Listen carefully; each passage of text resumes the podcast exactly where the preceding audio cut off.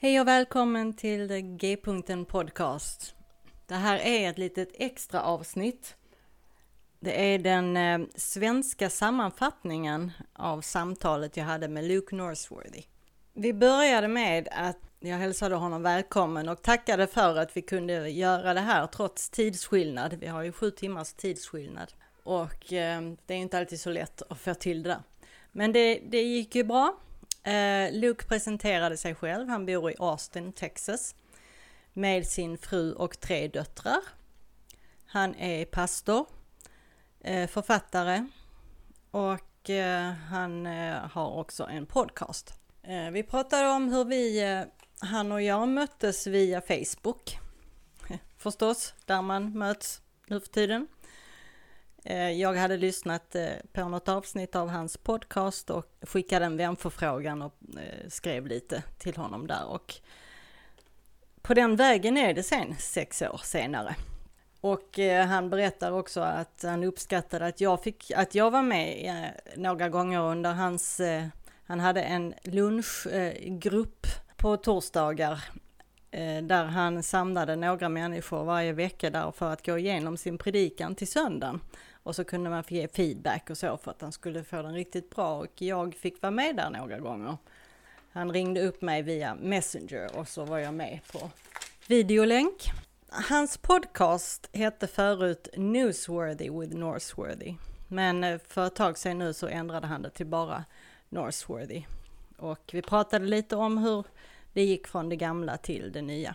Han har alltså skrivit eh, två böcker. Den ena heter God over Good och eh, den andra heter Befriending your monsters. Lukes eh, egen eh, berättelse om tro och tvivel. Det är eh, upprinnelsen till den första boken, där har han berättat eh, om det. Han kommer från en kristen familj och uppväxt med kristen tro och så.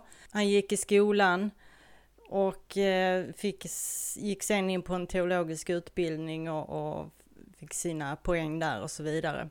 Han började predika redan när han var 19 år gammal och han sa att eh, de som lyssnade på mig då borde ha fått en guldstjärna för det är speciellt lidande man får utstå när det är någon som är 19 år och predikar. I alla fall efter universitetet så började han ju arbeta då i eh, någon kyrka så här och eh, predikade och så.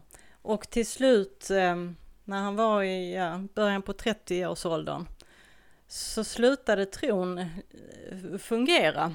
Det som han förut såg som sant var inte längre så.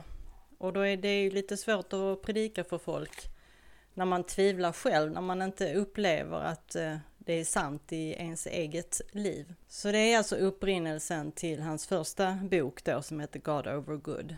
Att välja Gud istället för bara det som är gott. Det var ju så sakerna som han trodde att han visste om Gud, det han varit helt säker på förut, de fanns liksom inte längre där. Och det var inte så att han tvivlade på om Gud fanns där eller inte, utan snarare att den tro han hade ärvt och levt med så pass länge, den, det fungerade inte. Men denna här trosresan, det var också upprinnelsen till hans podcast. För eh, den startade han då för åtta år sedan.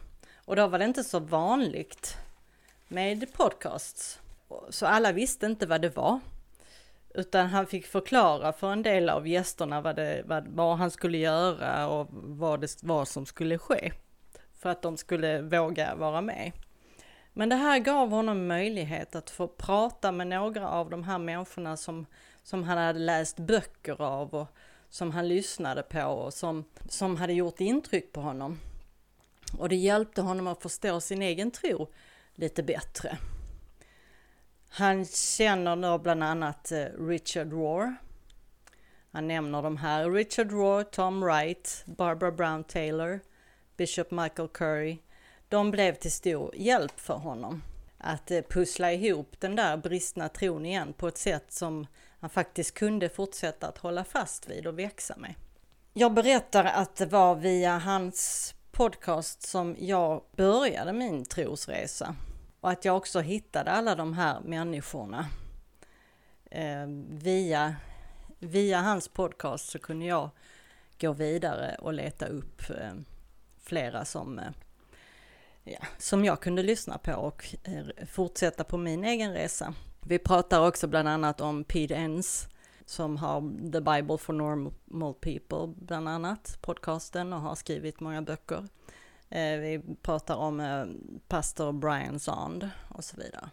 Jag frågade om vad han fick för reaktioner på boken när den kom ut bland, bland kanske sina församlingsmedlemmar eller andra i hans närhet. Men det mesta var faktiskt positivt sa han. Det var många som bekräftar de här frågorna.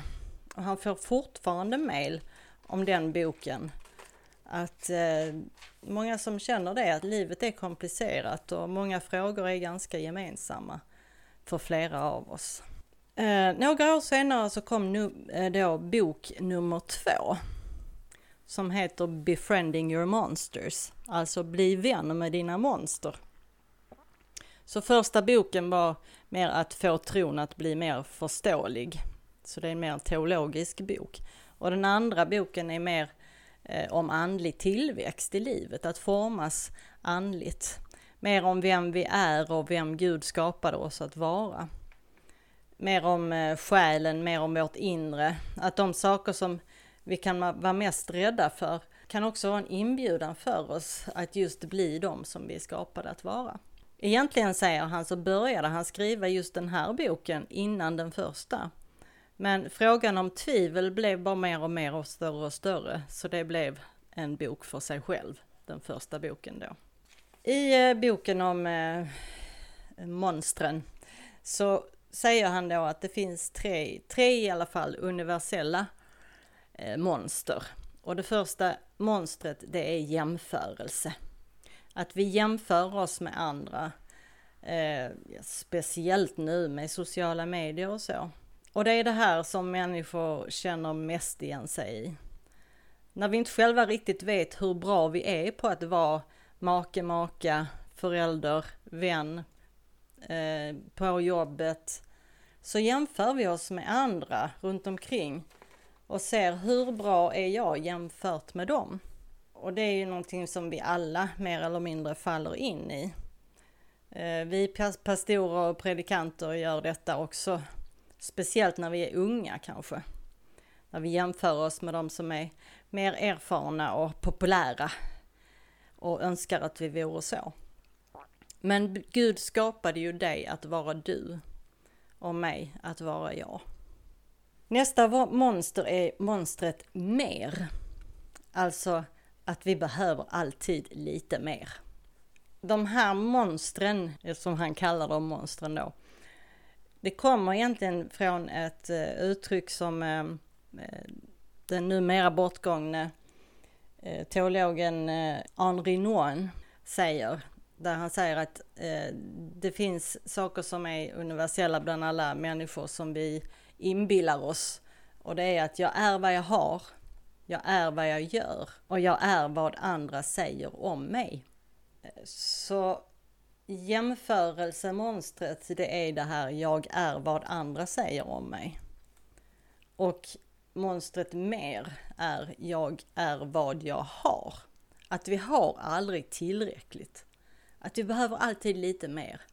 Eh, och det är som att eh, fylla en söndrig hink med vatten. Det går inte för det bara försvinner. Vi vill ha den bästa karriären, den bästa familjen, det bästa Facebook-kontot. Ja, alltså det här är ju ganska bra saker i sig. Men de kan inte fylla det tomrum som, de aldrig, som det aldrig var meningen att de skulle fylla. Och då blir det problem. Och det tredje monstret är framgång. Framgångsmonstret. För om man är vad man gör så är det ju bäst att vara bra på det. Om man är sitt arbete och framgång, då är det bäst att vara bra på det. Och de är ju också bra saker i sig. Men om det missbrukas så blir det ett problem. Ja, boken går väl lite ut på att monstren, de här kommer alltid att finnas där. Men vi behöver lära oss hur vi kan leva, leva med dem. Hur vi kan bli vänner med monstren. Den här boken finns på eh, Storytel. Så att, eh, som du kan leta upp där, Befriending Your Monsters eh, med Luke Northworthy, eller av Luke Northworthy, för det är inte han som läser den själv, tyvärr. Men den finns där om du vill lyssna på den. Och jag frågar sedan om det kommer en tredje bok. Och han har inget kontrakt eller så, eh, några konkreta planer på det nu, men tanken om eh, att eh, skriva någonting om att kunna förstå glädjen som finns runt omkring oss i vardagen. Det kanske kan bli någonting i en tredje bok framöver. För ett tag sedan så hade han en längre ledighet, en så kallad sabbatical. Eh, en ledighet som eh, går djupare.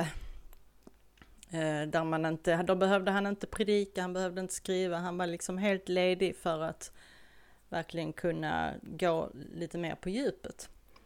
Och det som liksom eh, kom upp till ytan där då, det var ju först eh, den här oron som han känt eh, under pandemi, början av pandemitiden då hans fru är sjuksköterska, jobbar på neonatal intensivvårdsavdelning på sjukhuset.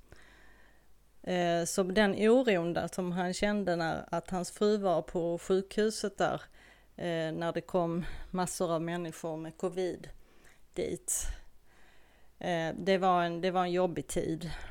Sen så gick hans mamma bort tidigare det här året. Och ehm, ganska hastigt. Och några veckor efter det så omkom en vän till honom i en bilolycka.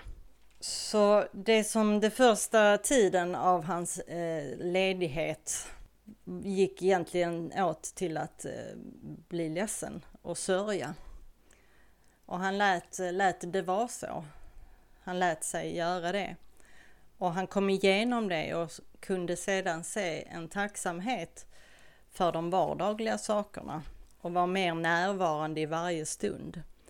Till exempel säger han när han nattar sina flickor på kvällen. Istället för att ta det som en timme som, som eh, han bara väntar på ska komma igenom så att han kan få gå och titta på TV sen. Så är han numera närvarande i varenda minut av det. Hans flickor är 13, 10 och 8 år gamla. Jag frågar Luke var han är på sin trosresa nu. Och han säger att för, mest, för det mesta är det bra. Tron är eh, mer en livsriktning, ett sätt att leva och vara än vad det skulle vara ett gäng trosartiklar. Jag har inte alla svar utan jag tvivlar och det verkar ju som att Jesus tyckte det var okej okay med tvivlare också och då, ja, då tycker jag också att det är okej. Okay. Och, och att Bibeln det är inte en handbok för oss. En handbok för våra liv. Eh, Luke är 40 år gammal nu. Så han, har, eh, han började tidigt på sin trosresa. Tidigare kanske än många av oss. Eh, sen pratar vi en liten stund om uh, the enneagram. Och jag ska inte gå in på det här för det är alldeles för mycket att prata om. Men jag lägger en liten länk både på bloggen och på eh, avsnittsanteckningarna. Så kan du själv läsa om du är intresserad av, av det. Sen frågade om det är någonting som jag har glömt, men han tyckte att vi hade kommit igenom ganska många bra frågor. Och min sista fråga var ju var han känner njutning och välbehag just nu. Eh, och han säger att glass är ju alltid gott.